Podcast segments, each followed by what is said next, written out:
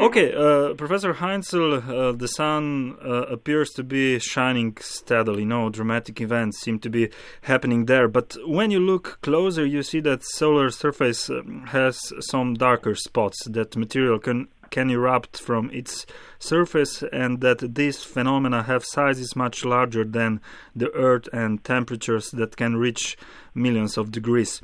What is happening, and what provides energy for these violent phenomena?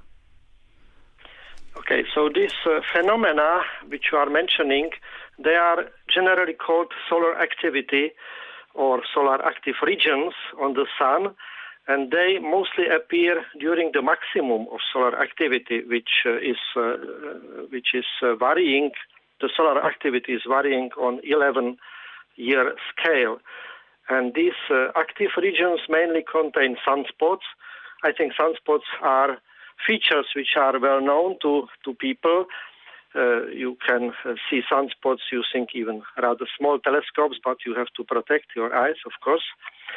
And uh, around sunspots, uh, also some other activities can evolve, like solar flares, which are very energetic phenomena. We also observe so-called solar prominences, which are beautiful features this is basically uh, the plasma, which is which is ionized gas kept in the magnetic field uh, in the solar atmosphere, and uh, and other active uh, active phenomena. I think uh, mainly what you are interested in are solar flares. Solar flares are um, are phenomena which are very energetic, as I mentioned, and they appear inside strong magnetic fields. You know, on the sun we can measure or we can detect uh, uh, magnetic fields of various strengths, and most intense magnetic fields appear inside the sunspots. And then these magnetic fields in active regions where sunspots are also located, they evolve in time due to some specific reasons, and uh, energy is accumulated in the magnetic fields. So magnetic fields carry the energy, and this energy is accumulated. And finally, at some instance, uh, there occurs instability, which means that this uh, energy accumulated in the magnetic fields is suddenly released. This is called reconnection process, which means that the magnetic field lines are connected together, reconnected, and a lot of energy is uh, is uh, released. And this energy goes uh, directly to the sun, but also this energy in form of accelerated particles goes uh, to heliosphere and also to our Earth. So these uh, these uh, eruptive events which occur on the sun, mainly the flares, or we also have something which is called coronal mass ejections. Maybe we can speak later about them. They they both are very energetic and they produce fast particles which move towards the sun. These particles hit the solar surface.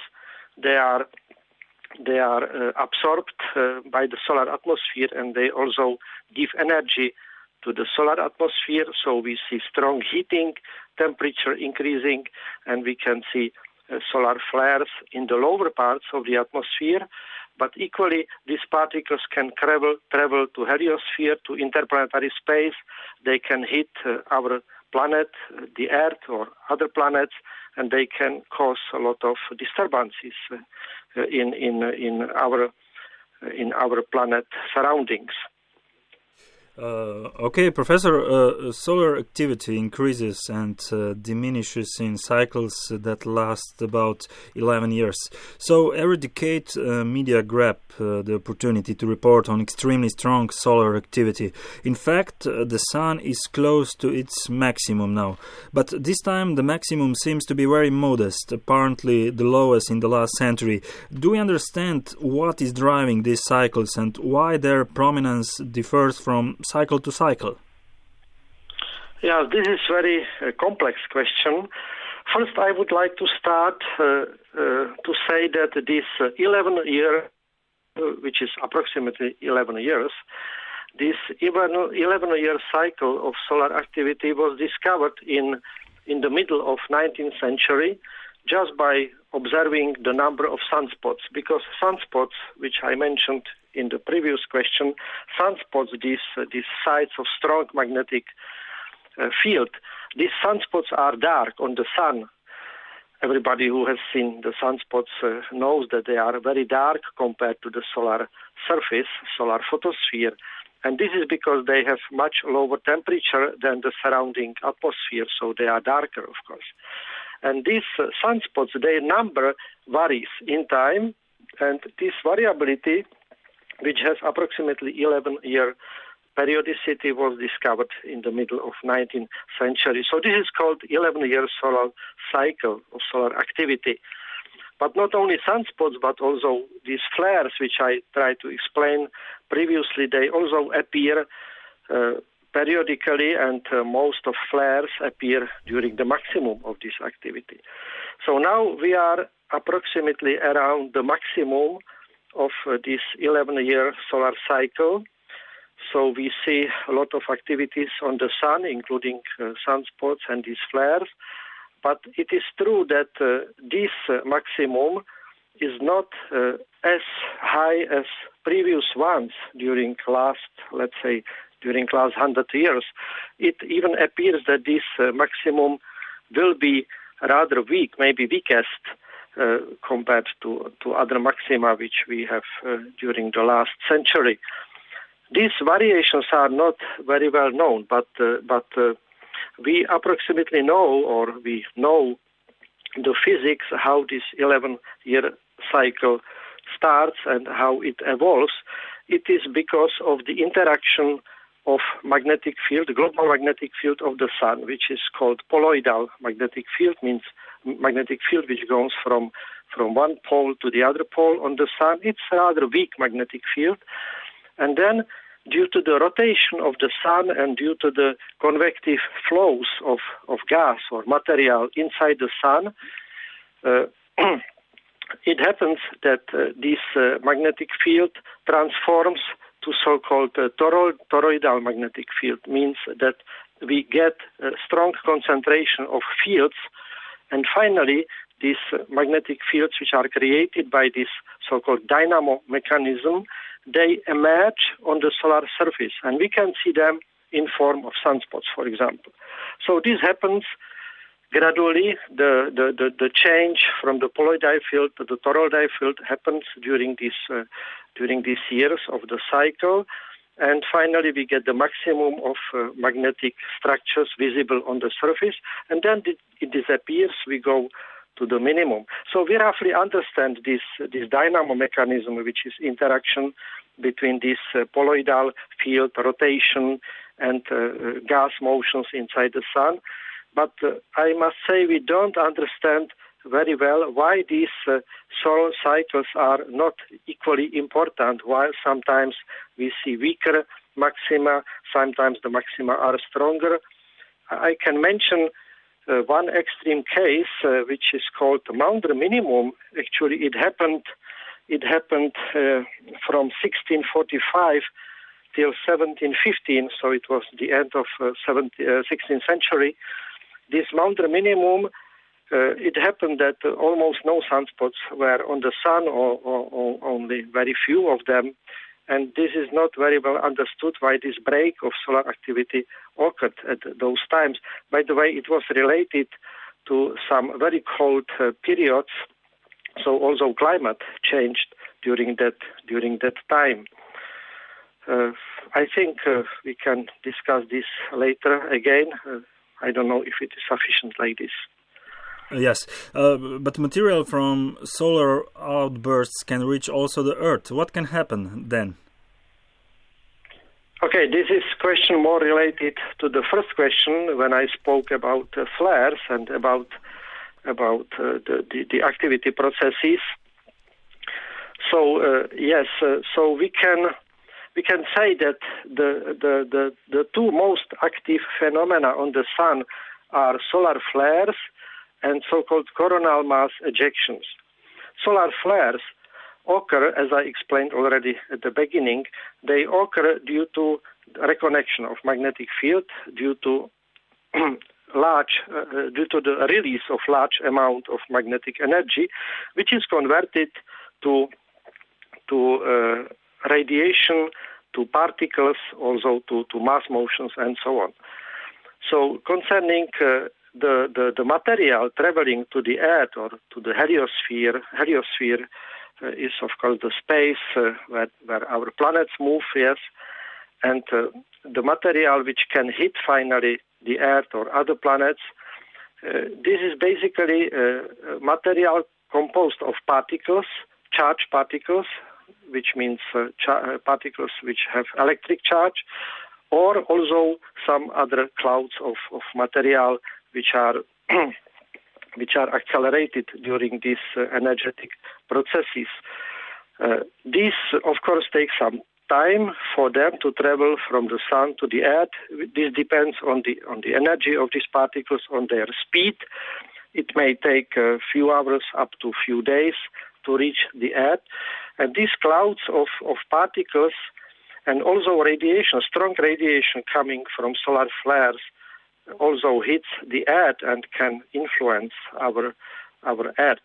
So there there is a large complexity of effects and and consequences. Yes.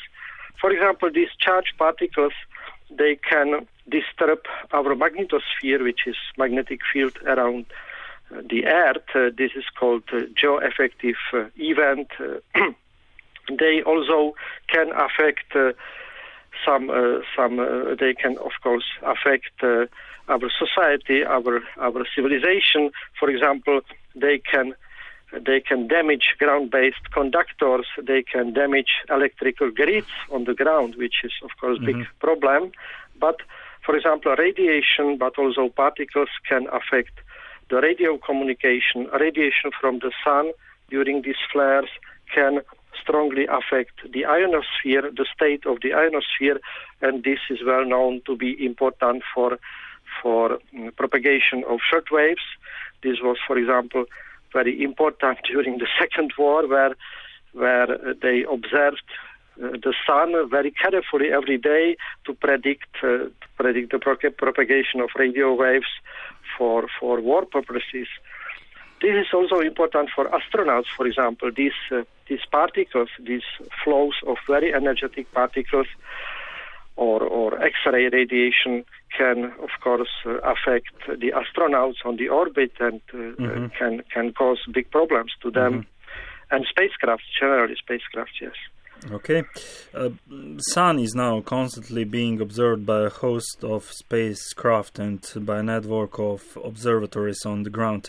You're participating uh, to many of these uh, projects. Could you highlight some recent advances uh, in short? Yes, uh, okay, that's true. Uh, we are participating in these projects within European activities, but also worthwhile collaborating with United States, with Japan. Currently, I am in Japan for the space research meeting where we discuss uh, where we discuss the current space missions, current space observations, but also future space observations which are planned because to produce space mission to, to, to develop space satellite it takes at least 10 years or more so this is very long process okay uh, in europe we basically collaborate around european space agency which is something like uh, american nasa and uh, european space agency esa has several plans for solar observations in the past ESA uh, produced big satellite which is called SOHO, Solar and Heliospheric Observatory. And this SOHO mission contained a lot of instruments, telescopes, and produced uh, many interesting observations, which we now use for, for our understanding of these uh, phenomena on the Sun. But for the future, uh, European Space Agency plans new mission which is very challenging mission. It is the the the, mm, the mission which will go directly to the sun, to the vicinity of the sun, and the telescopes and the instruments will detect uh, solar radiation and particles very close to the sun at a distance which is uh, equal roughly to, to the orbit of uh, planet Mercury. Mm-hmm. So this mission will start in 2017. Uh, it will be launched, and then it will take uh, more than two years to fly to the Sun through the interplanetary space, and then at around uh, 2020, 2021, we can start to observe sun from from very very close mm-hmm. proximity. Mm-hmm. Otherwise, we have also large ground-based telescopes. Ground-based means uh, which are located on the ground. Classical telescopes uh, for solar observations, but uh, today small telescopes are no longer of of use because uh, because they don't provide very high resolution, spatial resolution, time resolution. So we need very large telescopes, which are of course very expend- expensive to build. So uh, several countries join together and they provide support, they provide money to build large telescopes. And these solar telescopes for Europe they are mainly located in Canary Islands, on Tenerife, uh, and La Palma uh, Islands. They are big telescopes with large diameter of optics, also in United States. And uh, the largest telescopes uh, in the world are around 1.5 meter mirrors for, for the observations. Compared to stellar telescopes, this is rather small because the largest solar telescopes have diameters uh, between 8 and 10 meters. So this is almost one order of magnitude mm-hmm. difference. But but uh, for solar observations, we have a lot of light from the sun, so it, we are in much better mm-hmm. situation. Americans are now building four meter telescope on Hawaii. We just heard some talk about that during our meeting today. Very interesting and very exciting. Mm-hmm. Okay, uh, and the last question. Uh, towards the end of the month, many people will try to look at the sun as the comet Ison, I-S-O-N, will sweep by and barely miss its surface at, on the 29th of, of November. Uh, is it frequent that the comet falls uh, into the sun, or, as in the case with uh, this comet, barely misses it? Can such events contribute to our better understanding of physical conditions above the solar surface? Yes, this is a very interesting question. Uh, it is true that uh, comets, uh, time from time, they they hit the sun and even they fall into the solar atmosphere and they evaporate there. They they disappear, and this was uh, very well visible uh, from this uh, solar and heliospheric uh, observatory satellite, which I mentioned in the previous question, SOHO, which is still working, and this is the mission of European Space Agency. Uh, one of the instruments on board of SOHO is so-called coronagraph. This is the instrument which shows us the outermost layers of the solar atmosphere, which is very hot corona, reaching uh, more than 1 million degrees uh, temperature. And uh, to see this corona, which, because it is very faint, it's low density structure, low density gas, to see this corona, we have to cover the solar disk by artificial moon, which is some instrumental problem to do it. And then we can just uh, obscure the solar disk, which is very bright and overshining the corona, and then we can see the corona. We can see the corona very well during the solar eclipse, total solar eclipse. Mm-hmm. And when we have the opportunity to see the corona, then we can observe time from time comets passing around the sun and some of them really hit the corona and they disappear inside the corona. This is, of course, a very interesting phenomenon, very nice. You can look at the internet on Soho page, uh, and uh, you can see a lot of nice movies uh, of comets moving in this way mm-hmm. and disappearing uh, in the sun from this Soho mission. But on the other hand, I don't think that these uh, these comets have big impact on the sun or or our understanding of the sun because their kinetic energy is uh, rather small compared, for example, to flares, to solar flares. So the idea that comets could somehow be related to solar flares, it's not probably the right one. Maybe they can trigger some events in the corona to start something, but they are not energetically so important Mm-hmm. to to to do something very very critical. Uh, Professor Peter Heinzel, thank you very much for your time and for this uh, interview.